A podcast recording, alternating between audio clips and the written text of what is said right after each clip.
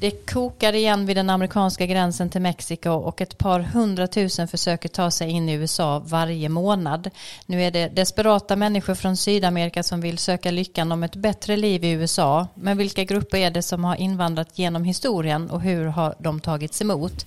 Det ska vi gräva djupare i i veckans Amerikaanalyspodd. Och så har vi talat med Bengt Liljegren som skrivit en biografi om John F Kennedy. Veckans Biden och bortglömda nyheter som alltid. Varmt välkomna att lyssna lyssna. I have a dream. One day, this nation will rise up, live out the true meaning of its creed. This is a place where you can make it if you try. This is a country where anything is possible, no matter who you are. Together, we represent the most extraordinary nation in all of history. We're always looking ahead, ahead to an America that's freer and more just, ahead of an America that never gives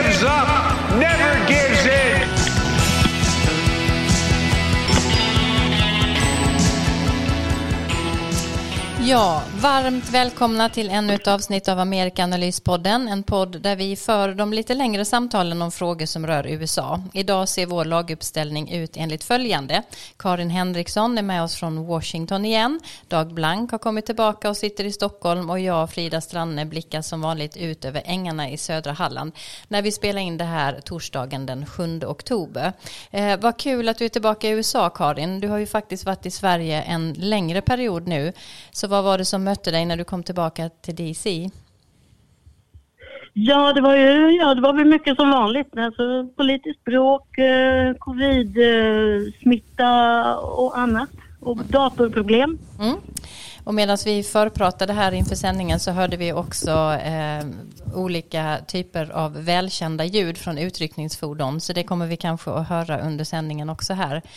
Eh, Dag, du har ja, inte varit... Jag bor vid en brandstation. Ja, just det. Eh, Dag, du har inte varit med oss på ett par avsnitt. Jag antar att du har varit upptagen med nya studenter som börjat läsa USA-kunskap i Uppsala, stämmer det? Ja, så är det. Vi har god tillströmning till våra kurser. Mm. Du har också tillsammans med Adam Hjortén precis gett ut en mycket intressant bok. Kan du säga något om den? Ja, det är en bok som heter Swedish American Borderlands som tar ett brett grepp på olika typer av relationer och förhållanden mellan Sverige och USA. Den är en del av vad som i American Studies, vårt forskningsfält, kallas för the transnational turn, att transnationell historia som överskrider nationerna och vi försöker då fokusera på hur Sverige och USA har påverkat, influerat och idéer och människor har flödat fram och tillbaka. Mm. Finns den i vanlig bokhandel eller hur kommer man åt den? Ja, det är, det är utgiven på ett amerikanskt universitetsförlag så kanske inte de flesta svenska bokhandlar har men den finns i svenska nätbokhandlar. Mm. Intressant. Vi kanske, det har jag inte frågat dig innan, kanske får möjlighet att lotta ut en, ett ex av den boken också vid tillfällen. Men på tal om böcker så lottade vi ut ett ex av din nya bok Karin i förra avsnittet, USAs elitförband från grodmän till Navy Seals och gröna baskrarna. Och det är en bok som går igenom elitförbandens historia och beskrivning av olika operationer som de har utfört. Och den som nu får möjlighet att läsa mer om hur de här förbanden tränar och hur räden mot bin Laden gick till mer i detalj, det är är Helmer Jonelid som just nu bor i Schweiz och pluggar där men skriver att han alltid lyssnar på vår podd. Så grattis till dig Helmer, du kommer att få ett ex av Karins bok i brevlådan. Innan vi går in på dagens fördjupningstema, vad har hänt på sistone tycker ni som vi behöver ägna ett par minuter åt? Först eh, Dag, vad säger du? Ja, jag var fascinerad över vittnesmålen i kongressen angående Facebook. Eh, när den visselblåsaren från Facebook trädde fram. Och det bekräftade ju väldigt mycket av det man hade hört och misstänkt helt enkelt. Och får mig att fundera på vad som kommer hända med techbolagen. Jag tror att det kommer bli som det blev för Big Tobacco på 90-talet men som det också blev för de stora kartellerna och monopolerna vid sekelskiftet 1900. Regleringar. Mm. Eh, det är väldigt intressant eh, det som händer och det kommer ju bli fler uppföljande förhör eh, som man har förstått. Karin, vad, vad säger du nu när du är tillbaka där mitt i hetluften?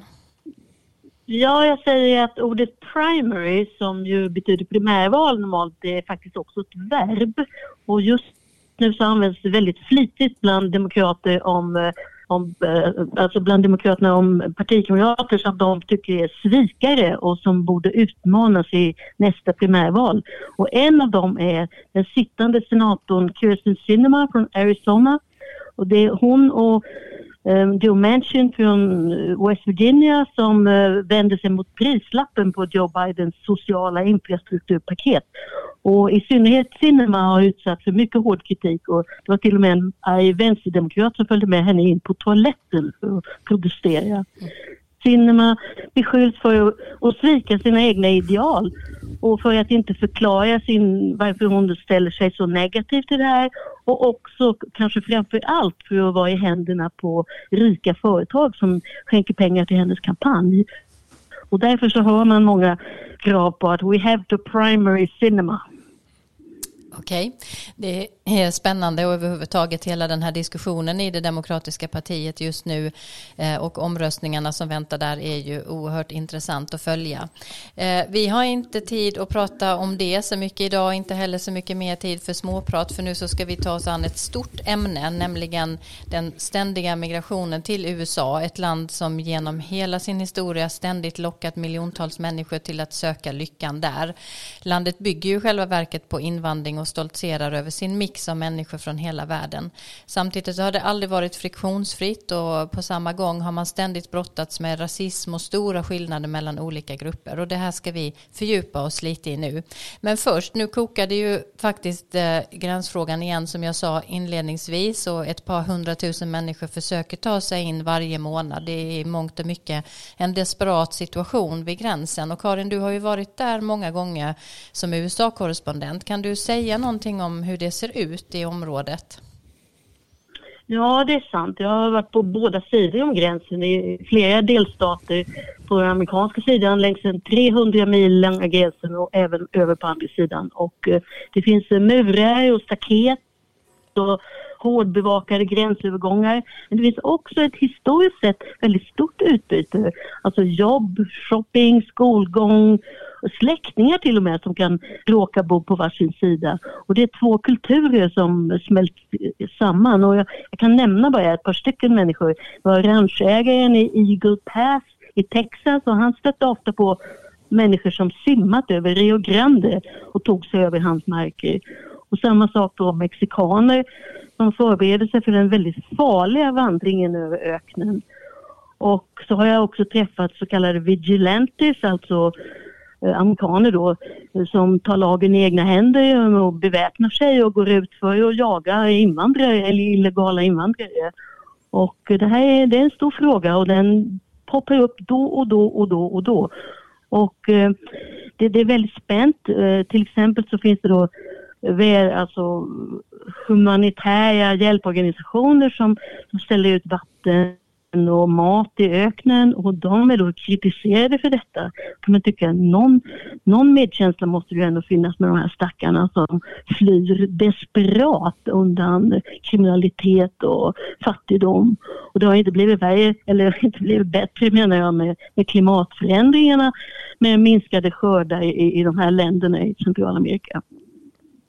Nej, verkligen. Och 300 mil lång gräns, det är verkligen ett långt område.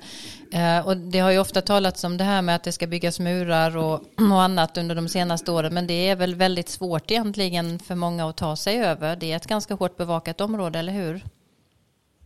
Ja, det beror lite på vad man säger då att när, när det byggs murar på vissa sträckor så söker sig flyktingströmmen då till farligare områden.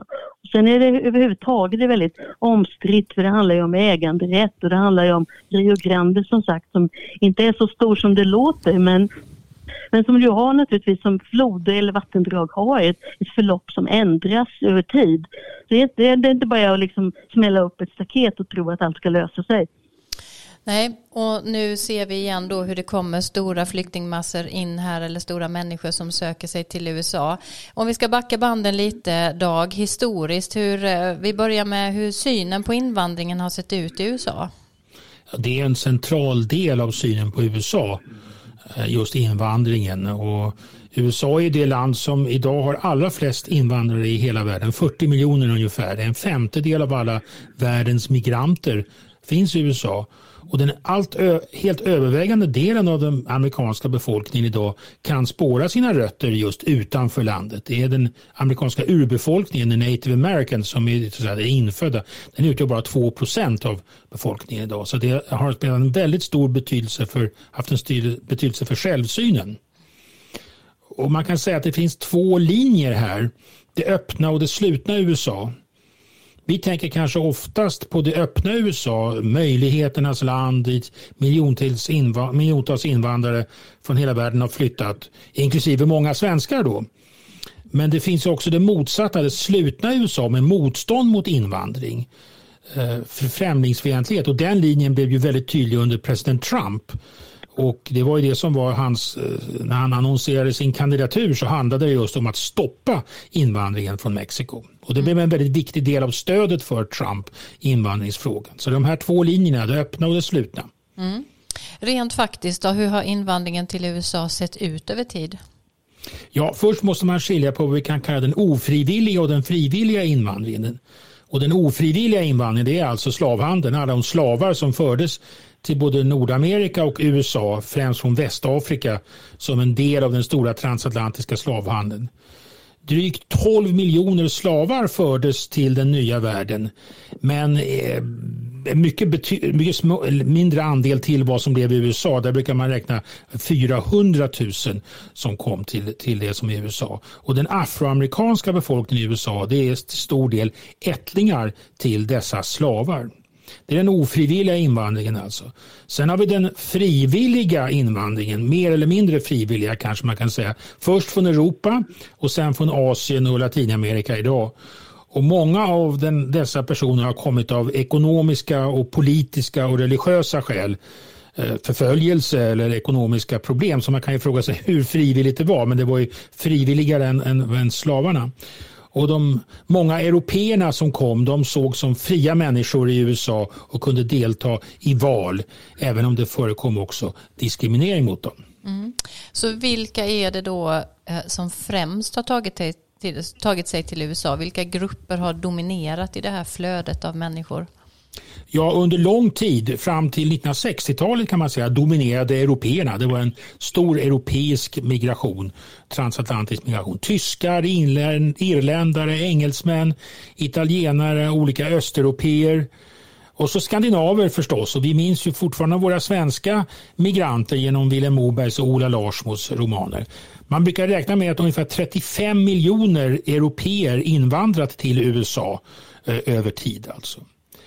Men från 1960-talet så skiftade migrationsmönstren söder och västerut och under det senaste dryga halvseklet domineras de då av personer från Latinamerika, inte minst Mexiko och, och Centralamerika och även från olika länder i Asien. Mm. Eh, jag antar att invandringen har reglerats på en lång rad sätt trots att eh, USA har varit ett öppet land. Hur har det sett ut? Ja, det har förändrats över tid och var länge knutet till ras. Eh, fram till 1800-talet och under långt, långt in på 1800-talet var det alltså främst europeer som sökte sig till USA och de kunde invandra utan större hinder egentligen. Det var ett ovanligt läge med relativt fri migration. Och de europeiska invandrarnas särställning avspeglas också i medborgarlagstiftningen. Det är väldigt viktigt vem som kan bli medborgare. En av de första medborgarlagarna kom redan 1790 och där talade man om att det skulle vara fria vita personer som skulle kunna vara medborgare i USA. Och ett viktigt ord är här vit. Och det, med det avsåg man då europeer eller ättade personer från Europa. När asiatiska grupper börjar komma till USA under slutet på 1800-talet, framförallt kineser, så kommer en stark reaktion mot icke-vita kineser. Och eh, man antog eh, 1882 redan en lag som förbjöd kinesisk invandring. Så asiaternas ställning som icke-vita gjorde under många år att deras möjlighet att invandra och att bli medborgare var begränsade. Och det var inte förrän långt fram på 1940 och 50-talet som dessa begränsningar fanns. Mm. Försvann menar jag. Mm. Eh, du sa det här om europeer och eh, vita hade ju en, en, ett, ett företräde in i USA. Men visst hade irländarna det lite värre än andra när de började komma på 1850-talet någon gång? Oh ja, det var då den första, första icke-protestantiska gruppen. Fram till dess hade USA dominerats av europeer nordväster, från nordvästra Europa framförallt eh, och protestanter. Men så kommer irländarna, stora vågor av irländarna, som den första icke-protestantiska katolska gruppen. Alltså. Det blev mycket stark främlingsfientlighet som växte fram och krav på begränsning och att man skulle stoppa denna invandring restes. Men man ska notera att de kraven gick aldrig igenom och irländarna kunde och blev faktiskt medborgare trots att de var diskriminerade, väldigt starkt diskriminerade. Men de blev medborgare och de såg, eftersom de såg som vita och de kunde till exempel delta i det politiska livet, vilket de också gjorde väldigt framgångsrikt. Mm. Eh, hur ser det ut idag? Ja, idag har alla resonemang om ras försvunnit ur invandringslagstiftningen från 1965. Den, en stor reform 1965. Och den lag som antogs då ledde till att invandringen starkt ökade och framförallt då från Latinamerika och Asien. Eh, idag är knappt 14 procent av befolkningen invandrare. Och det är då framförallt från Latinamerika och Asien som de flesta har kommit till. De ledande avsändarländerna idag är då Mexiko med över 11 miljoner invandrare från Mexiko följt av Kina, Indien och Filippinerna. Och de faktorer som styr idag är framförallt familjeband, familjekontakter. Det är det som avgör, en, en, stor del av invandringen avgörs på det sättet. Sen har vi också asyl, eh, flyktingar och i viss utsträckning speciella kompetenser på arbetsmarknaden. Karin? Ja, jag kan nämna, ja, jag kan nämna just det här, det sista som Dag nämnde, för att eh, efter eh, den förra folkräkningen, alltså år, år 2000, så gjorde jag lite reportage om, om eh, olika folkgrupper och besökte den då procentuellt största invandrargruppen, nämligen från Indien, alltså efter Mexiko då, efter Indien. De hade bosatt sig i Irving i Texas. Det är en förort till Dallas som har väldigt stor IT-industri och besökte ett hindu-tempel och talade med en familj och pappan där sa att, eh, att det var jobben som lockade. Han fick arbetsvisum för USA hade underskott på IT-kunnig personal och Indien å sin sida hade ett överskott. Och eh, ja, så bara eh, statistiskt då, alltså Indian Americans, inte indianer utan Indian Americans, de växte oerhört snabbt och de bor oftast i Texas eller Kalifornien, alltså där den här high-tech industrin finns. Och det ingår ju då som Dag sa i debatten om huruvida man ska försöka locka till sig då talang utifrån och eh, det ser vi ju nu när det är nobelpristider hur många, hur lyckat, eller hur det har lyckats, hur många av nobelpristagarna som eh, är verksamma vid amerikanska universitet. Mm. Dag, visst finns det någon, ett förslag på att anta eh, ett mer kanadensiskt system? Det finns som ett förslag, absolut. Kan Kanada har ju kvoter, Kanada har ju också betydande invandring, men ett ganska annorlunda system där man gynnar personer med viss utbildning eller med pengar, med tillgångar så att säga. Och de, och de som är kritiska mot det nuvarande systemet i USA, de menar på att man ska gå över till ett sådant system som skulle då gynna högutbildade och eh, personer, personer med pengar. Men man har ännu inte genomfört det fullt. Det finns, precis som Karin säger, i bristyrken och så vidare som som gör att eh, man får sådana här migra kedjemigrationer gärna från Indien och andra områden också. Mm. Man kan bara lägga till också det som Karin sa om Nobelpristiderna. Och det finns ju en annan, finns många olika typer av migrationer. Folk som är fattiga och folk som är mindre fattiga och folk som är välutbildade och så vidare. Och en viktig betydelse är just eh, migration är forskarmigrationen. USA är det populäraste landet för studenter som söker sig utanför sitt eget land för att studera. Ungefär en miljon utländska studenter fanns i USA 2020. Och det var då ingenjörsutbildningar, matematik, datavetenskap som var de största ämnena och en tredjedel av dessa utländska studenter kom från Kina och därefter just Indien och, och, och Sydkorea alldeles de senaste året har det varit en diskussion om att det kanske det där håller på att vika lite. Det är inte riktigt lika många som kommer och det finns en oro då på många amerikanska universitet att man förlorar kanske den här talangen och att andra länder kanske ska kunna locka till sig dessa kinesiska studenter framför allt. Även när det gäller svenska studenter som läser utomlands så har USA länge varit det populäraste landet. Mm. En stor fråga är vad som ibland kallas de illegala invandrarna eller kanske bättre de papperslösa. Det hör vi mycket pratas om. Vad kan man säga om den gruppen? Ja, det är också en betydande grupp och siffrorna där är naturliga, naturliga skäl lite svårare att uppskatta för det är folk som vill här, hålla sig undan, folk som inte har de formella tillstånden men som ändå lever i USA och man kan säga att eh, det brukar, man brukar räkna med att det kanske finns drygt 10 miljoner odokumenterade eller papperslösa om man så vill invandrare i Sverige vilket motsvarar ungefär en fjärdedel av alla invandrare i landet. Så det är en stor grupp. Och man kan notera att det är alltså möjligt och det sker att leva i USA eh, utan dokumentation på det sättet. Eh, lättare skulle jag vilja säga än i Sverige. Eh, även om det har också ökat i Sverige, då, de papperslösa. Men kontrollen i USA är faktiskt eh, inte lika stark som det är i Sverige. Majoriteten av dessa odokumenterade papperslösa invandrare kommer från Mexiko men även från Centralamerika och vissa asiatiska länder. Sedan 2010 har den här gruppen... Ja, ja, varsågod. Nej, jag ska bara säga att, att det där dyker upp då och då liksom på delstatsnivå hur man ska göra med de här illegala, de, eller papperslösa, om, om de ska tillåtas ta körkort till exempel. Mm.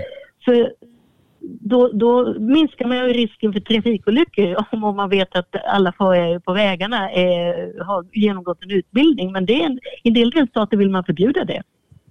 Och ni kanske kommer ihåg att just frågan om körkort för papperslösa invandrare blev en viktig valfråga i primärvalet 2008 när Hillary Clinton stod mot Barack Obama och den frågan kom upp. Skulle man tillåta det? Och Hillary Clinton eh, klarade inte riktigt av att svara på den frågan och det ansågs ha missgynnat henne. Men det är precis som Karin säger, att vilken status ska, ska de ha så att säga? Va?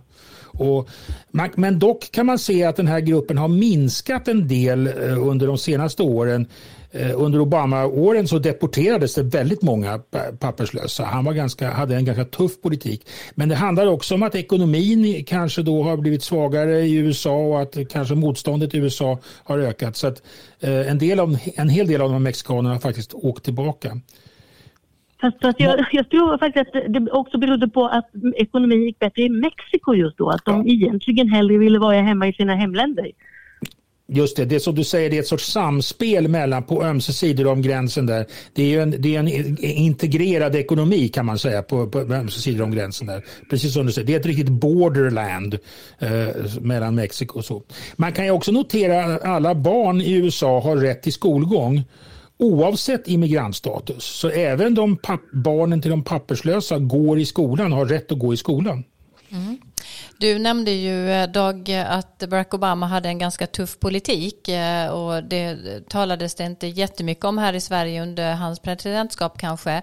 Men det har också snart gått eh, tio år sedan han undertecknade ett policybeslut och då måste man observera att det inte är en lag eh, som kallades DACA som vi också har hört talas om här en del och det innebar att människor som förts till USA som minderåriga skulle få möjlighet att stanna i landet för att studera eller arbeta. Karin, eh, igen, du rapporterade om detta, eller hur? Ja, ja, det gjorde jag. Jag träffade flera ungdomar. De kallas för dreamers. Och de hade då alltså vågat, som man brukar säga, komma ut och berätta om sitt öde. Och eh, träffade till exempel Daniela i Florida och hon riskerade att deporteras till Colombia där hon aldrig hade varit och inte kände någon. Och sen var det Moises, en ung student i North Carolina och han var livrädd för att hans föräldrar skulle kastas ut ur landet. Och eh, då, under Obama, så försökte Demokraterna att driva igenom ett lagförslag som man kallade för Dreamers Act, som på sikt skulle ge de här möj ungdomarna möjlighet att, att, att söka medborgarskap. Men Donald Trump satte som bekant P för allt det här och då kan man nämna att till saken hör faktiskt att Republikanerna som parti tidigare var positivt inställda till invandring. Alltså i, i synnerhet arbetskraftsinvandring och inte minst då i jordbruket. Och för, under några år när det var brist på, på invandrararbetskraft så ruttnade skördarna helt enkelt. Så det, det, det är en stor fråga det också. Mm, och det blev en stor omsvängning med Donald Trump inte minst. Vi nämnde ju det här. Jag kan, ja, jag kan bara skjuta till, precis som Karin säger, det har skett en, en, eh, en stor förskjutning. Alltså, Republikanerna av tradition är eh, för fri invandring eller öppna, öppna gränser, just på, ofta av ekonomiska Men när det var Demokraterna tidigare som var tveksamma till invandring, man menar att det skulle vara ett hot mot amerikanska arbeten. Det hör man lite grann fortfarande hos eh, Bernie Sanders till exempel, lite protektionism. Alltså. Men i, stora drag har ju Demokraterna idag ändå omfamnat de här dreamers och, och eh, stark sympati för Alltså där har det skett en positionsförskjutning skulle jag vilja säga. Där med Trump så blev ju Republikanska partiet totalt mot invandring och Demokraterna har då blivit eh, intagit den andra positionen mera. Mm. Och samtidigt som vi nämnde så, så, införde ju Barack Obama, eller förde han en hård, eh, hård politik vid gränsen också. Om vi bara ska säga någonting lite om det, Karin, vad, vad innebar det? Ja. Ja, det gjorde han. Det var rekord i antalet deporteringar. Men det passade ju inte riktigt in i, i högerns bild av Obama, så det uppmärksammades faktiskt inte särskilt mycket. Snarare tvärtom, att han fick höra att han var mjuk, att han var soft. Men det var inte alls fallet. Nej.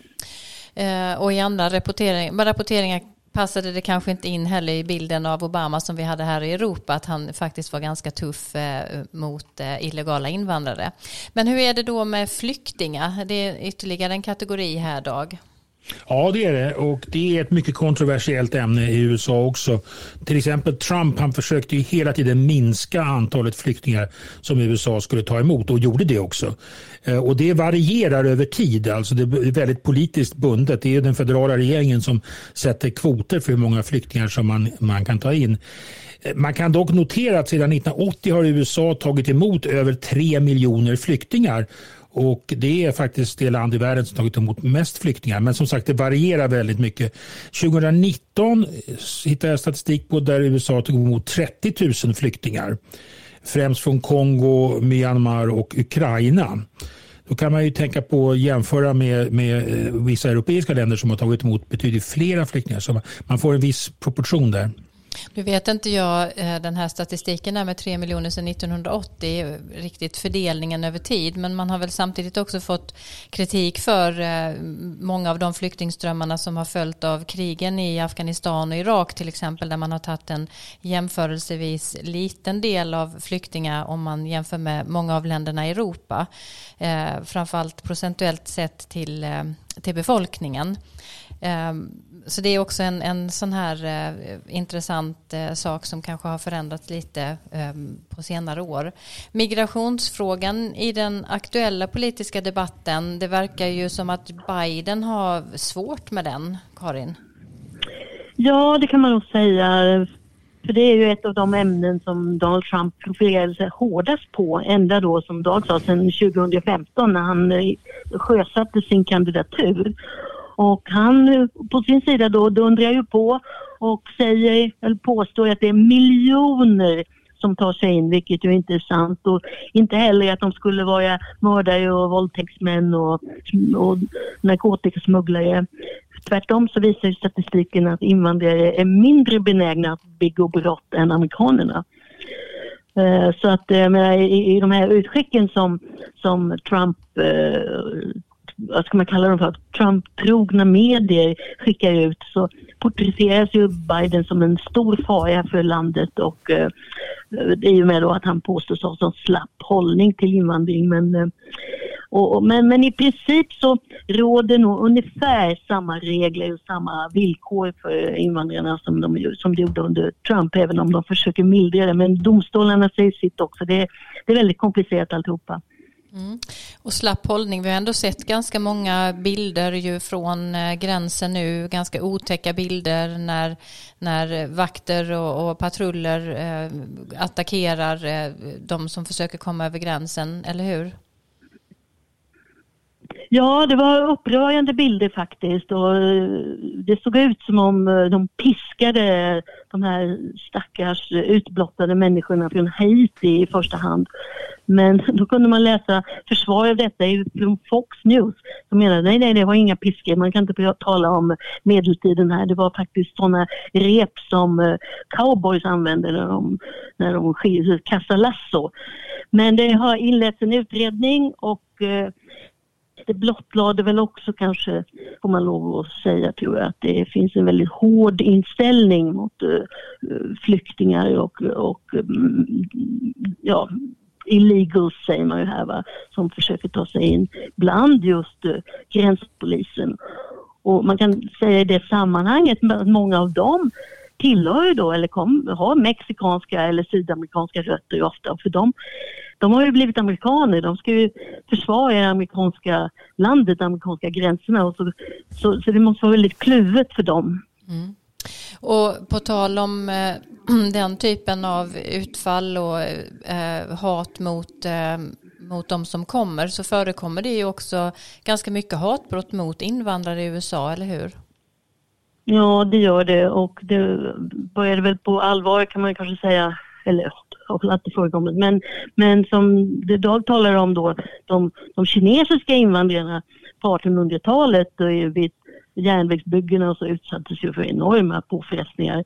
Och nu kommer det också eh, rapporter om, om hatbrott och då i synnerhet för människor som kommer från muslimska länder, alltså efter 9-11. Och enligt statistik jag såg i en tidning från FBI så handlar det om att kanske hundratal per år. Alltså, och det är då överfall, mordförsök eller till och med mord. Mm. Eh, en helt ny och stor grupp är ju afghaner nu som evakuerades efter det amerikanska militära uttåget därifrån tidigare i höstas. Hur går det för dem? Vet man det? Ja, där så fick nog eh, Joe Biden och hans eh, regering faktiskt träda fram på allvar och, och se till att man tog emot eh, människor då som hade jobbat som tolkar eller på andra sätt eh, varit personal i den, under, de, under krigen helt enkelt. Och, eh, det eh, rör sig, tror man, om ungefär 80 000 personer och de är, vistas just nu på militärbaser i, i första hand och väntar då på uppehållstillstånd och jobb och så vidare. Och flest är faktiskt, befinner sig faktiskt i Kalifornien. Och det har lett till en massa jämförelser med Vietnamkriget och de sydvietnameser som sökte sig eller flydde till USA då efter, efter Vietnamkriget. Och eh, det är faktiskt en del, man kan läsa artiklar där sydvietnameser träder fram, alltså människor som kommer från Sydvietnam som, som träder fram och säger vi måste hjälpa de här människorna. Minns hur vi hade det. Mm. Slutligen eh, Karin, för de flesta invandrarna är slutmålet att bli amerikanska medborgare. Eh, det har ju blivit allt svårare genom åren. Det är inte enkelt att eh, få ett amerikanskt medborgarskap. Men kan du säga något om hur det går till? Ja, det kallas ju för naturalized citizens och antalet nya medborgare de senaste åren har uppgått till mellan 700 och 800 000 per år. Och det är en nedgång jämfört med 90-talet när det var ungefär en miljon per år. Och då sa man faktiskt, och det var inte bara på skoj, att Bill Clinton försökte öka antalet väljare på det sättet. Men eh, kraven är högt ställda. Man får naturligtvis inte ha någon prick i brottsregistret. Man måste ha vistats legalt i landet under fem år. Man måste kunna tala och förstå engelska och ha insikter i amerikansk historia. Men framför allt så måste alla nya medborgare i Sverige en ed när de helt enkelt bryter med sina gamla hemländer och lovar att försvara författningen mot all enemies, foreign and domestic och, det här är det viktiga, med vapen om så behövs. Mm. Dag, har du någonting mer att säga om det här med medborgarskapet? Ja, just det. Medborgarskapet är ju, är, är ju målet så att säga. Och om man tittar på statistiken lite över tid så ser man ju hur den amerikanska befolkningen, både medborgare och icke-medborgare, har förändrats. Vi har ju talat om det tidigare, de här stora demografiska förändringarna som pågår i USA som är en konsekvens av framförallt den här stora migrationen efter, från 1960-talet och framåt. Den här förskjutningen mot Sydamerika och Centralamerika mot Asien. Och det är en förklaring till att den största minoritetsgruppen idag är ju latinos som ligger någonstans på 18-19 procent av den amerikanska befolkningen, personer med rötter i, i Latinamerika. Och den här intressanta diskussionen om vad det betyder, att latinos ökar, asiaterna ökar, medan det som då kallas för vita, det är alltså personer med rötter i Europa, den gamla traditionella invandringen, minskar. Och Det finns mycket intressant att säga om hur det påverkar USA, hur liksom själva landet förändrats i grunden av detta. Mm. Vi jag hade kunnat... säga någonting. Jag får bara säga en sak till där. Jag får bara fylla i vad Dag säger. Frågan är ju nu om latinos kommer att betrakta sig som vita och vad det betyder. Precis så. Och det finns en väldigt intressant bok som jag just har läst här under sommaren som diskuterar de här olika kombinationerna. Du skrev ju din bok eh, Karin om rasfrågan i USA och den här eh, en droppe svart blod, så det one drop rule. Man var antingen det ena eller det andra. Men mycket statistik visar nu på senare år att den där eh, håller på att försvinna. Att man har en blandad bakgrund. Och hur räknas de? Kommer, det, det är en väldigt intressant och spännande fråga att följa. Mm. Jag är hemskt ledsen att behöva avbryta er. Vi hade kunnat prata väldigt mycket längre om de här frågorna. Eh, men nu är det dags att gå över till någonting annat. Vi har ett stående inslag här som vi kallar veckans Biden eh, och det börjar bli lite av trasig grammofonskiva kanske men Joe Biden har det motigt just nu både med sitt eget parti och med republikanerna och så här lät det häromdagen från Biden. Raising the debt limit comes down to paying what we already owe, what has already been acquired, not anything new. It starts with the simple truth. The United States is a nation that pays its bills and always has. From its inception, we have never defaulted. What we pay for, so it keeps us a great nation. Social Security benefits for seniors, salaries for brave service members, and benefits for veterans, and other financial obligations for our people and for our nation. We're able to meet these obligations based on the revenue we receive from taxes and based on our ability to borrow what when needed.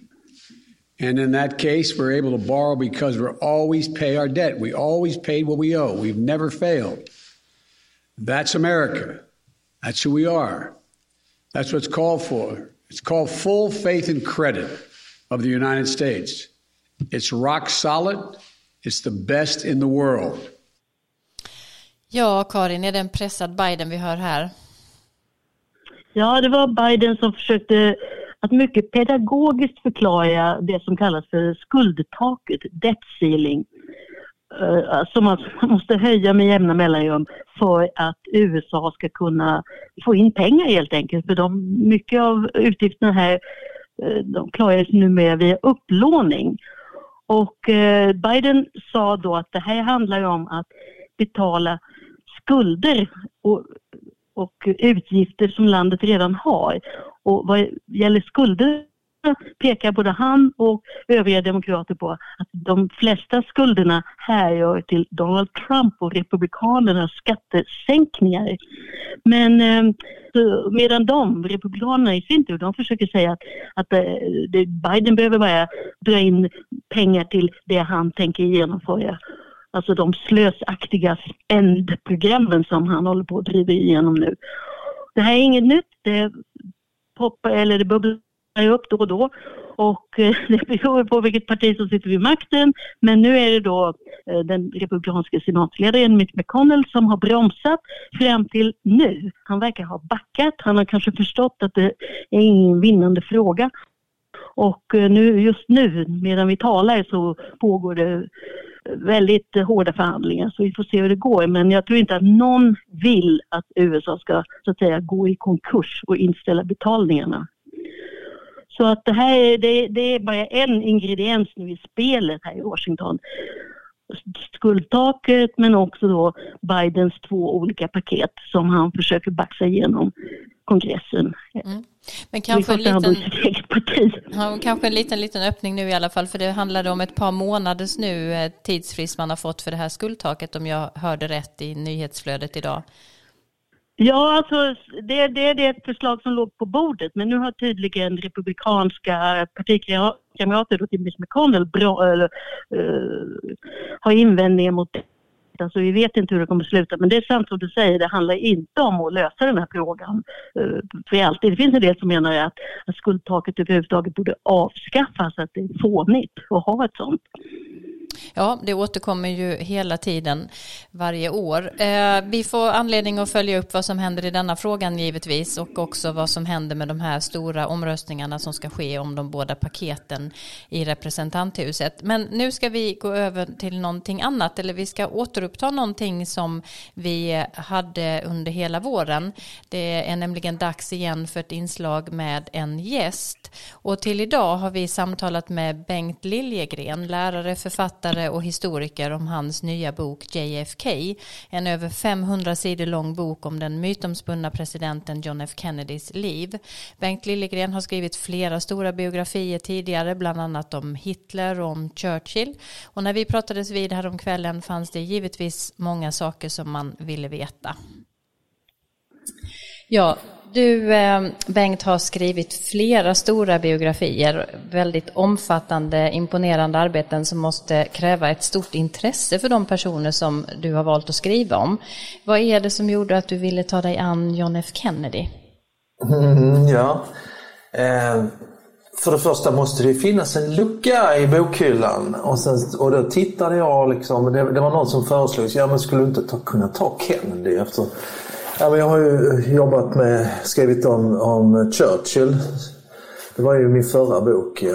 Och då fanns ja, för det blir ju kronologiskt bra och, och med Kennedy var ju med i andra världskriget även om han bara var en en, enklare officer. Så, ja, men det skulle, och sen tyckte jag, ja men det har väl skrivits tillräckligt mycket sa jag då till min kollega som föreslog detta. Men sen så gick jag hem och så kollade jag upp det. Jaha, det visade sig att det hade inte kommit en svensk biografi sedan 1966. Då kom två stycken, en 65 och en 66 på svenska.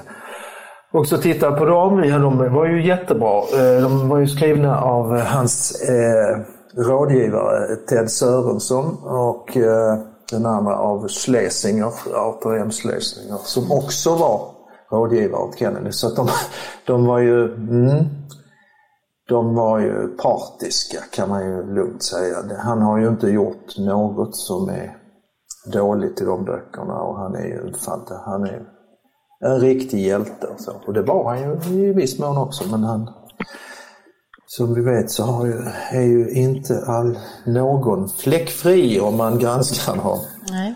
Och det, du, precis som du säger så har det skrivits oerhört mycket ändå om JFK sen tidigare, och dock mm. inte i en svensk kontext. Men eh, har du fokuserat på några specifika delar som du tyckte var för knapphändigt beskrivna tidigare, men framförallt har du hittat någonting nytt?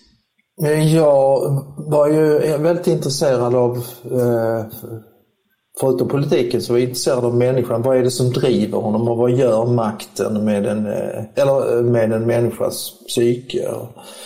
Så, sådana grejer. Så att jag vill ju, min ambition har ju varit att följa honom eh, i fotstegen i hans karriär. Att inte, inte sitta här med facit och se egentligen vad, vad, vi vet ju vad som händer med honom och sånt. Men så gott som möjligt, min ambition har ju varit den att, att uh, ta honom för vad han är i varje situation. Han, han växer upp på, under skolgången, under militären och, och uh, den tidiga politiken. Och sånt. Och det som har slagit mig är ju paradoxen. John F Kennedy. Alltså, Jack Kennedys liv var fullt av paradoxer. Det är alltifrån att han, att han hade ju stark integritet och, som politiker och så. Och ändå så låter han sig styras av sin pappa långt upp i, i karriären. Och det var ju paradoxalt. Och, och, och, och, den här bilden av honom som, som eh, ungdomlig hälsan själv, vitalitet och allt som han stod för. Och att han, eh, den den fick ju, har ju fått sig en törn. Alltså att, att han var sjuk det visste jag innan men att han har varit så sjuk under sitt liv. Alltså det är ju inte många dagar i livet han har varit smärtfri. Och att det var så allvarligt och så. Det, där, han led ju av Addisons disease, eh, Addisons sjukdom som, som är en hormonbristsjukdom som gör, gör att varenda liten infektion blir livshotande. Och detta hemlighölls ju eh, under hans levnad. För att det, det var omöjligt att bli president och det är ju fortfarande idag. Alltså, har du någon allvarlig sjukdom så, så ska du nog inte göra dig besväret att ställa upp presidentvalet för det kommer ju ut förr eller sen. Men han lyckades hemlighålla detta. Och där har jag fått hjälp av eh, experter, svenska experter på en, en, en svensk eh, som heter Bengt Hallengren som har hjälpt mig att kolla det där. Nu går den ju att behandla. Liksom. Det, det gick ju också att Har du sett någon, något särskilt sätt på vilket det påverkade honom som politiker? Ja, eh, inte kanske i beslutsfattandet direkt men det ställer ju eh, hårda krav på att han hade läkarteam hela tiden och han tog ju under pressade situationer så tog han ju han tog ju väldigt mycket medicin under hela sin levnad. Alltså. Och eh, när han ställdes inför eh, extra stora eh, utmaningar så, så hade han ju sin Dr. Feelgood som gav honom injektioner. Jag ska inte säga att han var drogberoende men han, han tog ju uppiggande medel eh, väldigt ofta. Eh, men det var ju för att hålla sig, hålla sig eh, energisk så att han klarade av pressningen. Så det var ju fantastiskt. Normalt skulle väl en, en sån allvarlig sjukdom inte ha klarat av egentligen att, den hårda arbetsbördan som det var. Mm. Efter, efter att ha gått igenom hans liv på det här sättet som du, du har gjort och grävt i detta, vad, vad tycker du var det mest anmärkningsvärda med honom och med vad han åstadkom? Eh, Kubakrisen Alltså att han räddar världen undan tredje världskriget i oktober 1962 där det är så nära. Och när så många av eh, den amerikanska militären vill smälla på och, och svara hårt mot hårt mot eh, Sovjet. Och då eh, håller han sin intellektuella skärpa, behåller han den och kylan. Och han, han de, de är beredda. Han, han, ställer en fråga till en av de höga generalerna. Så, ja, men om vi anfaller och så och sen de anfaller tillbaka, för då kommer de göra... Hur många amerikaner kommer, det, kommer då att dö?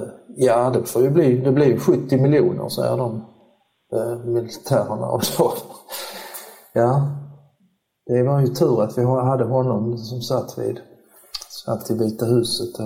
Jag vet inte hur det hade gått om det hade varit det skulle ju mycket väl kunnat varit Nixon eftersom Kennedy vann ju valet bara med 118 000 röster 1960. Så att, mm. det, det, är möjligen, eller det är en spekulativ fråga ju, men vad tänker du om han hade fått fortsätta vara i livet äh, avseende USAs involvering i Vietnam? Tror du det hade sett annorlunda ut?